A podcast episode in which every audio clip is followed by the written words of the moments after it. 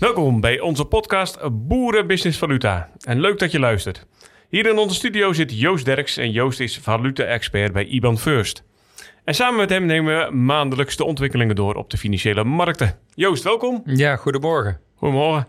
Ik vroeg me net even af, uh, ja, het is een, uh, een, een, boeiende week geweest. Zowel in de financiële wereld als hier in Nederland in de politiek. Zeker. De provinciale statenverkiezingen. Wat is jou zelf het meest uh, bijgebleven wat dat betreft? Nou ja, eigenlijk die, die storm rondom die banken. Hè? De, die bankencrisis startend in Amerika, maar van de week natuurlijk ook in Zwitserland met Credit Suisse. En dat is, ja, gewoon jouw professie natuurlijk, heeft dat meer impact dan wat er allemaal in de provincies gebeurt. Ja, ja, ja, dan als je dat op een globale schaal kijkt, dan is met name die, uh, de problemen bij Credit Suisse. Ja, en dat, dat, ja die zijn wel. Die zijn wel heel relevant. Ja. ja, maar daar komen we straks nog even op terug. Hè? Dat, dat, is een hele mooie cliffhanger natuurlijk. Want ik vroeg me wel af, je bent een, een, een valuta trader. Ja. Je werkt in de Randstad, maar je woont zelf uh, op het Brabantse land. Het platteland, ja. Ja, hoe, hoe vertaalt zich dat? Hoe kijk je dan tegen zo'n verkiezingsuitslag aan? Uh, nou, heel eerlijk zeg, ik heb niet eens gestemd, want ik was in het buitenland. Ah, dus ik kon helaas. Niet, uh, niet stemmen. um, maar ik snap heel goed. Kijk, wat, wat heel duidelijk wordt, is dat, ja, dat er een tegenstem is nu. Hè? Dus de mensen zeggen ook van ja, weet je, ehm, luister nou eens naar, naar ons. En dat is denk ik wat, wat er deze week is gebeurd. Ja. En, kijken we financiële markten, zo in Europa, Nederland, kijken die ook nog naar dit soort verkiezingsuitslagen? Heeft dat nog financiële markt, de vloedmarkt is het echt een non-item. Nou, nee. Sowieso geen enkele verkiezing wat dat betreft. Nou, Amerikaanse verkiezingen die, die, wel, ja, die, ja. die, die, worden wel gevolgd, ja. En die hebben ook impact. Ja, Joost, er is, we hebben het net over, ontzettend veel gebeurd op de financiële markten. Dus laten we even bij het begin beginnen. Dat, Mhm. mm -hmm. dat begon eigenlijk vorige week vrijdag 10 maart. Ja. Daar was er opeens het faillissement van de Silicon Valley Bank in de, de Verenigde Staten. Ja. Uh, samen met nog eigenlijk twee andere kleine banken. Uh, ja, wat, wat, kwam er toen allemaal los? Nou, uh, eigenlijk op, op zich kwam wel het een en ander los. Want als er een bank omvalt van deze omvang... Het, het is wel een wat kleinere bank dan bijvoorbeeld ABN AMRO. Hè? Ehm, maar toch, als er onrust is in de financiële markt of in het financieel stelsel, is dat niet goed. En wat je toen ook zag, is dat de eerste reactie was, het is natuurlijk een Amerikaanse bank, dat de dollar wat verzwakt werd. Ja. Dus de, de euro-dollar liep op. En um, uh, ja, dan worden de, markten worden gewoon nerveus op zo'n moment. Hè, als er een soort van vertrouwenscrisis uh, is in, in, het bankensysteem. En de grootste vraag was natuurlijk van, joh, gaat dit... Uh, gaat dit, is hier besmettingsgevaar ja, of juist niet? Werking, ja. Ja, en toen heeft natuurlijk de, de Amerikaanse overheid, maar ook de Fed, eigenlijk meteen in het weekend ook gezegd van, luister, klantgeld is gegarandeerd. Ja? En dat helpt natuurlijk meteen een heel stuk, heel veel stress weg te Ja. halen. Dus het is heel verstandig dat ze dat ook gedaan hebben. Ja. Ja, want hoe, hoe komt het uit? Want het, het, het, het is eigenlijk een, uh, ja, een redelijk uniek verhaal, zeg maar, wat er bij die Silicon Valley Bank is gebeurd. Ja. Dus is niet zo snel dat je zegt dat is symptomatisch voor het hele banksysteem. Nee. Ja, hoe kon dan toch die stress in de markt uh, komen? Nou, ja, hoe kan ik dat best uitleggen? Als er, uh, kijk, die banken, banken hebben allemaal um, connecties met elkaar, zakelijk. Hè? Dus leningen uitstaand uh, aan elkaar. Want leningen worden weer doorverkocht, et cetera. Dus dat hangt eigenlijk allemaal uh, nauw aan elkaar vast. En als er één zo'n bank in de problemen komt, dan kan die dus andere banken mee omvallen. Zie, ja. met domino-steentjes, hè, als ze te dicht bij elkaar staan, dan gaan ze. Ja. Als ze wat meer uit elkaar staan, zijn wat minder uh, connecties mee, ja, dan raakt, wordt het niet geraakt, zeg, maar valt zo'n zo'n volgend steentje niet om. Nou, zo kun je eigenlijk ook een beetje zien met zo'n banksysteem. Veel is het uh, goed verweven. En de grote banken zijn natuurlijk hele grote blokken. Dus als er een klein domino-steentje tegenaan valt, dan blijft die grote blok gewoon staan. Hè? Maar als, het, als er eerst heel veel kleintjes gaan omvallen en die kracht wordt dan steeds groter, weet je, dan krijg je wel een, een soort besmettingsgevaar. Ja. Um, en hier is eigenlijk meteen een muurtje om dat steentje wat om uh, gevallen is, meteen een muurtje omheen gezet door de overheid en de centrale bank, zodat het niet verder andere banken kan raken. Dat is eigenlijk ja. wat is gebeurd. Dus wat dat gaat, hebben ze dan wel geleerd van de, die financiële crisis in 2008, ja, ja, ja. Hè, waar ze dat liet lopen natuurlijk met de Lehman Brothers. Ja, kijk, en Lehman Brothers was echt van een hele andere orde en ook een hele andere oorzaak. Veel groter. Uh, en, een, en wat ik kan zeggen, ook een hele andere oorzaak. Dit is meer in, in de, uh, de, de start-up uh, business, waar investeerders hun geld stalden bij SVB Bank. Nou goed, we weten allemaal, de rente is inmiddels 4,5% gestegen in Amerika. Dus het geld vloeit ook een andere kant op. Nou, en dat heeft eigenlijk die banken in de problemen gebracht. Ehm, en op een gegeven moment heeft zij, hebben zij natuurlijk hun tegoeden hebben zij, geplaatst of aangehouden in obligaties, wat banken ook altijd doen. Hè? Want je, je moet dat ergens of je leent het uit of je plaatst het tijdelijk in uh, een obligatieportefeuille. En als die verdeling niet goed is, en dat was dus hier het geval, is eigenlijk het risicomanagement is niet goed geweest.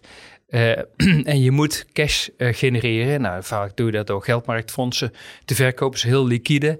Uh, daar zit een heel beperkt renterisico op. Maar als je dat in een obligatieportefeuille met langere looptijden doet, dan zijn die renterisico's veel groter. Ja. Nou, en dat, dat is hier eigenlijk gebeurd. Is dat dan iets ook wat bij jullie, uh, zeg maar op kantoor, ook gelijk alle hens aan dek is en uh, we zitten strak op het scherm? Of valt dat nou, het effect is, ook qua valutemarkten wel mee? Uh? Nee, de valutemarkten, natuurlijk wordt dit, dit is wel iets wat, wat ik al zei, wat impact had op die valutemarkt. Hè. Je zag de euro-dollar koers oplopen. Hè. Dus eigenlijk de dollar eventjes niet meer als veilige haven gezien werd. En dus de, de euro omhoog. Um, op die, dus dat is eigenlijk de, de impact die wij zagen op die valutemarkt. Um, verder is het, ja, weet je, het is een Amerikaanse uh, relatief kleine bank. Uh, we hebben nul connecties met, die, met zo'n partij. Uh, we hebben wel onze klanten, we hebben wel gecheckt bij onze datacenter. Hey, welke klanten hebben ooit wel eens betaald aan, zo'n, aan een begunstigde die een rekening daar aanhoudt. Dus je hebt wel geïnformeerd, voor let op. Als je volgende betaling doet, check of die nog daar naartoe moet of dat er inmiddels een andere rekening moet zijn. En daar waren ze ook heel blij mee dat we zo proactief daarop hebben gereageerd. Ja. Nu eh, wordt inderdaad ook een van die redenen was de snelle stijging van de, van de rente door de Amerikaanse centrale bank. Ja. Dat ze daardoor ook in de problemen zijn gekomen. Is het nou de verwachting, uh, dit, dit is een bank, maar dat ook andere bedrijven, ook eh, financiële instellingen, nog met zo'n soort gelijkuitdagingen uh, de komende tijd wordt geconfronteerd? Of? Nou, de, uiteindelijk, uh, wat ik ook al eerder heb gezegd, die rentestijging. dat duurt even voordat het impact heeft op de economie. Gewoonlijk tussen de 12 en de 24 maanden. Nou is die rentestijging echt zeer agressief geweest. Zijn we 0 naar 4,5 in Amerika. Um, dus dat gaat uiteindelijk wel zijn impact hebben, ook op de economie. Um, natuurlijk moeten uh, banken uh, met hun uh, obligatieportefeuilles goed kijken van joh, wat gebeurt daar? Maar ze hebben ook geleerd van de crisis in 2008. Ja, dus je ziet dat de, de, de buffers en de, het risicomanagement van de banken vele, vele malen beter is dan, wat is alweer 15 jaar geleden. Ja, dus op, op zich lijkt daar niet heel veel aan de hand op dit moment. En is dat, hebben we wel geleerd van de fouten van het verleden, ja. Nou, één bank die wel een beetje moeite heeft met zijn buffers. Dat was afgelopen week. Dat was uh, Credit Suisse. Ja. Toen uh, de, de storm in de Verenigde Staten met de Silicon Valley Bank uh, net ging luwen. kwam daar het bericht dat die in die financiële problemen kwam. Ja. Toen waren ook hier de rapenhaar, paniek op de beurzen. Ja. banken die ja. heel veel de koersen daarvan van scherp daalden. Uh, ja, wat, wat, wat, is daar, wat is daar nou precies nou, Bij die Suisse is natuurlijk ook iets, daar zit, dat is ook niet van de een op de andere dag uh, dat dit gebeurt. Um, we hebben natuurlijk een aantal, uh, of grote fraudegeval gezien bij Credit Suisse. We hebben grote verliezen gezien bij Credit Suisse, bij een van die uh, beleggingsfondsen die verkeerde posities had genomen. Dus daar is eigenlijk een opeenstapeling van fouten, is daar gebeurd, waardoor het vertrouwen gewoon in, het, in de bank zelf, in het management daarvan, is gewoon weg. Er zijn interne spionagezaken geweest. Weet je, dan, dan klopt daar iets niet. He, dat mensen bestuurders elkaar niet meer vertrouwen, dan is er iets niet in orde. He, dus Credit Suisse heeft er eigenlijk, een, eh, even heel kort gezegd, uh, kort door de bocht genomen, een potje van gemaakt. En, ja, en zit er nu op te, uh, op te blaren. Dat is wat er bij Credit Suisse denk ik aan de hand is. Maar is dat een echt toeval? Dat drie dagen na die, die Silicon Valley Bank uh, nou, op zich is dat wel toeval. Kijk, want uh, het kwam eigenlijk door het feit dat zij zouden met jaarcijfers komen. En die werden op het allerlaatste moment uitgesteld. Omdat er de interne rapportagestemmen niet deugden of niet voldoende goed waren.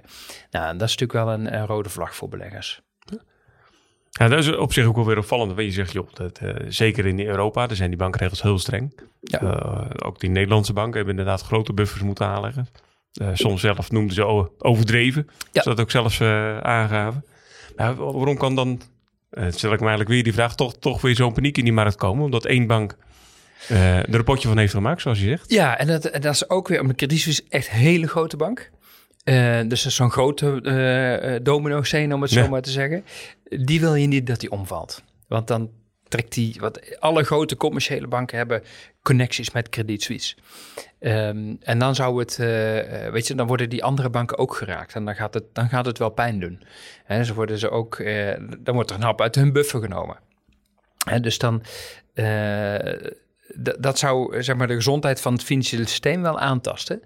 En ik zei ook van de week al van, joh, luister, ga er maar vanuit dat binnen een paar dagen de Swiss National Bank, de overheid en eventueel zelfs de ECB met maatregelen gaan komen om te zorgen dat dat risico dus ook afgestopt wordt. En dat gebeurde dus gisteren. Ja, die 50 miljard die... Uh, ja, ja en dat is eigenlijk een swaplijn. Hè? Want uh, het punt is ook altijd dat uh, een bank, als er een bankrun komt, uh, het is altijd liquiditeit wat het probleem is, niet de solvabiliteit. Dus op de lange termijn kan Credit Suisse prima aan zijn verplichtingen voldoen. Maar op de korte termijn krijgt iedereen zijn geld opgetaald. Op, weet je, als jij langlopende obligaties of langlopende leningen hebt uitstaan, die uiteindelijk allemaal terugbetaald worden, die kan je nu niet nu meteen cash maken. He, dus liquiditeit is vaak het probleem. Dus daarom heeft de Swiss National Bank ook gezegd: joh, luister, met jullie uh, langlopende tegoeden die je hebt, uh, krijg je van ons nu meteen cash. Hè? Dus die, uh, die vangen dat eigenlijk op. En daarmee is meteen de rust weer teruggekeerd. Je zag ook het aandeel weer, ik geloof 20 of 30 procent omhoog gaan. Ja, zo dat komt omdat er gewoon even een, een stutpaal is gezet die heel stevig is. Zo snel kan dat gaan wat dat betreft. Ja. En nou, nou, was bij Credit Suisse volgens mij niet het rentebeleid nou een van de oorzaken. Nee, nee, nee. maar dat, dat, had er eigenlijk helemaal niks mee te maken. Dat is eigenlijk, dat is eigenlijk in het verleden opgebouwd. Hè? Ja. Gewoon met de interne fraudezaken, met een grote uh, verliespost. Uh, onderling vertrouwen wat weg is. Uh, niet goed management. Dus de bank staat er gewoon, heeft er gewoon eigenlijk een beetje lopen prutsen. Ja. Nou was wel onrust op de financiële markten. Dus daar werd er nog wat extra rijkhalsend uitgekeken naar het besluit, de rentebesluit van de ECB. Ja. Wat ze donderdag hebben gegeven. Dat was eigenlijk conform de verwachting. Ja. Een half procentpunt uh, erbij. in de strijd tegen de inflatie, om het zo te zeggen.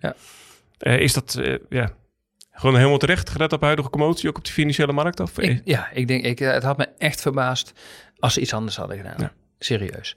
Want uh, ze zijn in hun com communicatie ook heel duidelijk geweest voor luister, inflatie. Dat is wat, wat voor ons belangrijk is. Natuurlijk een paar dagen daarvoor heb je dat gedoe met, met Credit Suisse. Uh, maar dus op zich is dat containable. Hè? Dus je kan dat gewoon ja. beschermen. Uh, het is ook niet zo, uh, niet die situatie bij Credit Suisse dat het, het bankensysteem zeg maar niet gezond is. Het is echt één individuele bank waar, waar er hele specifieke problemen zijn. Het zal me echt hooglijk verbaasd als ze dus niet hun beleid gewoon hadden uitgevoerd zoals ze ook hebben aangekondigd. Ehm, ze zijn natuurlijk, uh, weten ze ook van oké, we moeten wel uh, zorgen dat we niet de realiteit uit het oog verliezen. Ze, hè, ze worden iets meer data-dependent, om het ja, zo maar te zeggen. Ze kijken meer van oké, we uh, houden goed in de gaten wat er in de markt gebeurt voor ons volgende rentebesluit. En op zich denk ik dat dat sowieso goed is, hè, om te, goed op de weg te blijven letten. Um, en ook uh, dat die, die rentebeweging die we inmiddels hebben gezien, ook in Europa, weet je, die is uh, iets later ingezet dan in Amerika, zeg maar een, een maand of negen geleden. Maar ja. weet je, we komen nu ook in die periode dat we de effecten gaan merken in de reële economie. En dan is het niet zo gek dat, dat de centrale bank even al ziet van, hé, hey, wat gaat er nu gebeuren? Ja. Nou, was een korte tijd, ja, daar zitten we nu op 3% depositorente. Ja. Uh, ja, die, die effecten die je schet, wat, wat, wat zijn dat voor effecten? Nou ja, eigenlijk heel simpel. Hè? Als, uh, stel, je bent een, een, een ondernemer, een agrarisch ondernemer, en je wil um, een nieuwe stal bouwen of uh, uitbreiden met machines of wat dan ook. Daarvoor ga je, over het algemeen ga je geld lenen ja. bij de bank. Ja? Nou ja, vorig jaar kostte die rente, uh, kostte een financiering met kredietopslag bijvoorbeeld anderhalf procent. En nu is dat misschien bijna vijf procent dan ziet het financieel plaatje er heel anders uit. He, dus dan ga je denken van, hey, wil ik, kan ik dat nog, is dat nou, heb ik nog een gezond businessplan? Kan ja. ik het terugverdienen? Uh, ook met de wetenschap dat uh, die renteverhoging niet alleen voor jou geldt, maar voor iedereen in, in, in, in Europa. Waardoor ook die consumentenbestedingen misschien wat onder druk kunnen kunnen komen gaan staan. Ja. En is het dan nog wel eh, verstandig om die eh, grote investering te doen, waar ik eh, in plaats van anderhalf bijna 5% Ja. voor moet gaan betalen? Maar goed, dan ga ik even op de plek van de ECB zitten. Dat, dat is toch juist de bedoeling? Dat, dat willen ze toch wel Ja, ja nee, maar dat is ook precies de bedoeling. Ja. En waar zij, eh, en, en we hebben al vaker over gehad, dat het, die, cent, die rol van centrale bank is heel belangrijk, maar ook heel complex. Want eh, zij moeten echt heel ver vooruit proberen te kijken. Ja. Want ze willen ook niet dat ze die economie kapot maken door de rente te ver te verhogen. Hè, dus op een gegeven moment als zij zien van hey, die inflatie gaat naar beneden, of in ieder geval de tendens is lager, we zien dat de economische activiteit eh, ietsjes afneemt, dat is het moment voor ze om eventjes eh, pas op de plaats te maken. Maar als je nu zelf aangeeft, zulke renteverhogingen hebben we wel tot 12 maanden nodig om, om Ja. goed zeg maar, in de markt eh, te, te worden ingebed. Ja. Nou, dat, dat betekent inderdaad dat, dat dat soort investeringen en, en, en innovaties ook in feite de, de, de komende maanden steeds schaarser worden of eh, steeds eh, minder worden ingezet, als Ja. ik jou zo begrijp. Ja, en dus eh, niet alleen innovaties, maar eigenlijk alle investeringen zullen wat, wat teruggeschroefd worden. Simpelweg omdat het duurder wordt. Ehm, en daarmee zal, vraagt, valt ook meteen een stukje vraag weg. Hè, want die nieuwe schuur of nieuwe stal, die hoeft even niet gebouwd te worden. Dus, weet je, dus het, de, de, de vraag daalt, waarmee dus de, opdra- eh, ja, de eh, kracht om de, de inflatie, prijsopdrijvende eh, vraag, die neemt af. Ja. En daarmee zakt de inflatie weer. Dat is heel, de hele achtergrond waarom ze dat doen. Dus moet zo'n boer juist groener investeren en dan moet hij er aan de andere kant ook weer een hogere prijs voor gaan betalen. Ja, kijk, eh, dat is natuurlijk het lastige. Hè. Je zit natuurlijk ook met die verduurzaamheid en de investeringen die daarvoor nodig zijn. En vaak zit daar wel een fiscale regeling aan dat je dat, dat, dat toch interessant eh, eh, kan zijn. En dat we er vooral niet moeten stoppen. Maar als, je gewoon, als het geen verduur, verduurzame, of duurzame investeringen zijn en er geen subsidies op zitten, ja, dan, dan wordt dat natuurlijk eh, wel wat, eh, wat ontmoedigd op Ja. dit moment. Ja. Nu was eh, K- Christine Lagarde, de bankpresident, die was in haar toelichting, eh, ik zou bijna zeggen, eh, eh, jij hebt er ook wel eens over gehad, net zo warrig als altijd. Ja. Aan de ene kant hele stoere termen, we, we- gaan door tot inflatie eh, richting een doel van, van 2% is. Ja. Eh, aan de andere kant, het kan wel eens eh, voorlopig de laatste renteverhoging zijn. Eh, als je ook alles leest, er is een, eh, nu een grote discussie tussen de, de zogeheten havenkin Ja. en de duiven in, eh, binnen het ECB-bestuur. Ja, waar, waar denk je dat dat toe gaat leiden? Want heel veel vertrouwen eh, geeft denk ik niet voor de markten. Nou, kijk, eh, alles eh, valt en staat natuurlijk met wat er met die inflatie dadelijk gaat gebeuren. En laten we hopen dat die inderdaad gaat terugzakken en dat, die, ehm, dat het eigenlijk weer een beetje normaliseert. Want het is natuurlijk ook, we weten allemaal waar het vandaan komt. Eerst eh, corona, toen energie en nu eh, volgt eigenlijk ook weer de rest hè, van alle andere producten. Eh, dus dat duurt vaak even voordat het weer terug is bij, bij af. En waar we denk ik ook op moeten letten is ook echt zo'n loonprijsspiraal, wat heel logisch is. Want als boodschappen duurder worden, ja, Ja. Weet je, dan, dan teer je gewoon heel si- simpel in. eh, op je inkomen in eh, en heb je minder te besteden. Dus daar, eh, dan is ook logisch dat dat gebeurt. Aan de andere kant is het natuurlijk ook wel zo dat zijn centrale bank moet ook weer proberen rust te brengen in die markt. En laten zien voor je luisteren, oké, we zien dat die inflatie weer onder controle blijft. We, kunnen, we hebben nu de kans om eventjes niet meer het rempedaal in te drukken. En we kijken gewoon even wat er gaat gebeuren. En dat is het waarschijnlijk scenario, als ik het dat zo... eh, Dat denk ik, ja. En wat ik ook al zei, hè, wij- die, die Even de pas op de rente- plaats, die- de Ja, maar die rente gaat zijn werk doen. Die gaat zijn werk doen. Daar ontkom je niet aan. Iedereen heeft met rente te maken. Dat vergeten we. Iedereen vindt rente heel saai. Ja. Hè, want is, eh, ja, je krijgt een half procent rente op je deposito. Nou, hè, dat, wa- dat was niet het uh, leuke, eh, het stoere praatje op een feestje. Hè, dus rente is heel saai, maar rente is wel de bouwsteen van bijna alle financiële producten en instrumenten die er zijn. En ze is echt heel belangrijk. Ja.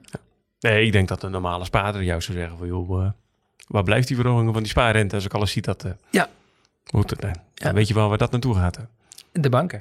ja, ja die zit, daar, daar zit de spread. Ja. Dus voor de banken is natuurlijk eh, vanuit rente-inkomsten heel goed dat die rentes nu weer Ja. omhoog gaan. Want dan kun je weer meer spread maken. Ja, en, eh, betere marges. Ja, dat zag ik wel in de cijfers terug van, eh, van die banken natuurlijk ook hier in Nederland. Ja. Ja. Eh, Ja, we hebben, het niet, we hebben het de hele tijd over rente en banken, maar wat, wat, wat, wat doet dat alles ook dat ECB besluit met de euro-dollar koers? Nou ja, dat deed eigenlijk niet zo heel veel. Het was, was alleen volledig geprijsd, ingeprijsd.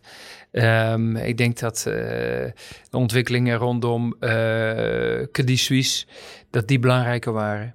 Ehm, volgende week hebben we natuurlijk de, de Fed. Dus ja, daar eh, wordt ingeprijsd ongeveer een kwartje verhoging. Het zou Ja. mij niet verbazen als ze gewoon zeggen, nou we doen, eh, we houden even pas op de plaats. Ja, dat is wel heel interessant, hè? Van Ja. volgende week inderdaad de Fed en de Bank of England eh, Ja. komen nog. Maar met name de, de, de Fed, de Amerikaanse centrale bank. Daar is ook met die, die, die onrust daar bij die banken nou een hele discussie van... Ja. verhogen ze de rente niet? Wordt het een kwart? Of misschien nog steeds wel een, een half procent?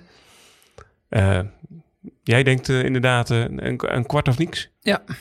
Ja, dat denk ik. En met name eigenlijk ook wel om die reden die ik net ook al noemde. Omdat die rente, die gaat zijn werk doen. Dat zie je nu. Hè. Nu krijgt toevallig zo'n zo'n Silicon Valley Bank daar, daar last van met, met die renteproblematiek. Dat die zo hard gestegen is. Zij zijn niet de enige. Het is, en het zijn niet alleen banken die er last van krijgen, maar ook bedrijven krijgen daar last van. Dus uiteindelijk gaat die investeringsdrift, die gaat naar beneden. Er is nog steeds heel veel consumentenvragen. Dus gelukkig is de arbeidsmarkt heel goed. Dus op zich, die economie die blijft wel doordraaien. Ja, maar, Maar- dat is juist niet de bedoeling. Die nee, moet toch maar juist ik denk wel in een lager tempo. Dat, ja, die rente, iedereen onderschat het. Die gaat zijn werk doen.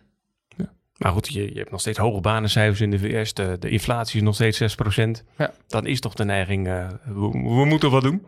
Ja, we zijn al heel veel gedaan, hè? Ja. Van 0 naar 4,5. Hè, dus dat is ook van, oké, kijk maar even rustig wat dat gaat doen. En de Fed heeft ook al gezegd, veel luister, wij kijken heel goed, hè, data dependent, wat de ECB nu ook zegt. We kijken even wat de cijfers doen. Zodat we wat, wat korter, korter op de bal gaan zitten en, eh, en eventueel kunnen bijschakelen Ja. als dat nodig zou zijn. En is dat ook een signaal wat de, wat de markt waarschijnlijk ook gaat waarderen? Eh, ja, het ligt eraan hoe je waarderen ziet. Ja. Eh, in de regel, Ja. wordt toch proactief beleid, wordt er wel extra aangeslagen Jawel. dan... Zeker wel, maar ook eh, als je kijkt dan even naar, naar eh, de rentebesluiten van de, van de ECB en van de Fed. We weten allemaal, de, de ECB hobbelt eigenlijk altijd een beetje achter de Fed aan. Dus als de Fed dadelijk zegt van nou, die hebben natuurlijk al de rentestappen verkleind naar een kwart. Eh, misschien komt er nu een kwart, misschien komt er niks. Een half denk ik echt niet. Ehm, maar dat betekent eigenlijk dat het renteverschil tussen euro en dollar weer wat kleiner gaat worden. In het voordeel van de euro in dit geval. Hè? Dus dat, dus dat renteverschil met de dollar wordt wat, eh, wordt wat kleiner. En dat kan weer in het voordeel van de euro-dollar koers spelen. Helder. Pakken we nog even de, de, de, de derde bank erbij, de Bank of England. Ja. Sneeuwt altijd een beetje onder in het geweld tussen de, de Ja. Fed en de ECB tegenwoordig. Ja, de old lady. Hè? Maar daar, eh, dat, dat is in feite wel duidelijk, toch? Dat hebben ze zelf aangegeven. Van, joh, wij, wij doen even niks. eh. Ja, de kans is groot Komende dat week. die niks doen. Of misschien een kwartje. Maar ik denk ook dat daar eventjes pas op de plaats ge- gemaakt wordt. Ehm, en kijken wat er, wat er gaat gebeuren. Ja. dat in Engeland toch nog steeds ook pijn lijden is wat dat betreft. Ja, al, al zijn er wel cijfers die weer wat eh, bemoedigender zijn. Eh, dus op zich lijkt eh, de vrees voor een hele lange, diepe recessie, die is wat afgenomen. Hè, dus je ziet dat de, de, cijfers eigenlijk toch verrassend ja, beter zijn dan, dan werd gevreesd. Dus, maar desalniettemin geeft de bank zelf ook aan, de centrale bank, van we denken dat we dicht bij het eh, renteplafond zijn, zeg maar, of de rentestijging. Dat dat niet heel ver van het huidige niveau af is. Ja. Ja, en voor het euro-Brits pond, dat is een beetje, een, eh, het lijkt me allemaal een beetje saai wat daar gebeurt. Of? Nou, eh, met Europond zag je ook behoorlijke beweging afgelopen week. Hè. Meer ook ingegeven door die, de, de, de hele onrust in de financiële sector, Ja. op de bankensector. En je zag eh Europond ook, nou, ik denk met anderhalf, 2 procent eh, op en neer stuiteren. Ehm, dus daar, dat reageert daar wel op. Ja. Ja. Maar dat stuit het altijd. Het, is Het- altijd ja. wel- dat is altijd wel heel apart bij die koers. eh. Ja, ja, ja, dat kan hard gaan. Maar Europond is natuurlijk ook een wat kleinere markt dan, dan Eurodollar. Dat, dat is echt gigantisch. En Europond is wat, eh, wat dat betreft qua omvang wel een stukje kleiner. Dus dan kun je ook grotere koersuitslagen krijgen. En natuurlijk altijd een, een van de slotvragen die ik stel. Zie, zie jij nog andere opvallende trends in de valuutawereld die je nog eens even kunnen aanstippen? Nou, wat, wat ik wel opvang, en is, toch weer uh, ook die, uh, uh, de Noorse kroon en de yen. De yen is natuurlijk ook zo'n safe haven currency. Heeft natuurlijk door de nieuwe governor of the Bank of Japan, die, waarvan eigenlijk verwacht of misschien gehoopt werd dat hij de rente eens een keer zou gaan verhogen, omdat ook de inflatie in Japan oploopt. Maar zegt nee, we blijven lekker ruim beleid voeren. Dus de, de yen werd eigenlijk alleen maar weer zwakker. Maar die zag je afgelopen week ook fors stijgen door die onrust. Hè. Dus die veilige havenfunctie, die heeft de yen nog steeds. Um, en de andere valuta die mij opviel was toch weer de Noorse kroon. Hè, die verder onder druk blijft staan. Ja. Uh, mede door, uh, door de verhoging van de rente in Europa en niet in Noorwegen. Uh, en ja, de olieprijs die laag blijft. Ja, maar even, even voor mij, waarom pas je de Noorden de rente niet aan? blijkbaar is niet nodig voor de inflatie. ja. Dus nou, dat, zo, zo, simpel kan het zijn. Ja. Nou, helder. Ja? Mijn, mijn, bij interviews vraag ik altijd, joh, ben ik nog iets vergeten te vragen wat je graag had kwijt gewild? Nee, ik denk dat we het belangrijkste wel behandeld hebben, Erik. Ja. Nou, dat is mooi. Dat zijn we er mooi binnen een half uur. Top. Dan dank ik jou hartelijk voor dit gesprek, uh, Joost. Graag gedaan. We gaan eens kijken wat de vet en de Bank of England uh, In de volgende keer doen. Ja. En dan gaan we het volgende maand weer over hebben. Dank voor dit gesprek. Dank je wel. Uh, heb jij nog vragen voor Joost Derks over de valutemarkten en de financiële wereld? Uh, tik deze in en stuur een mail naar redactie.boerenbusiness.nl. En we nemen hem in onze volgende podcast over de valuta mee. Bedankt voor het luisteren.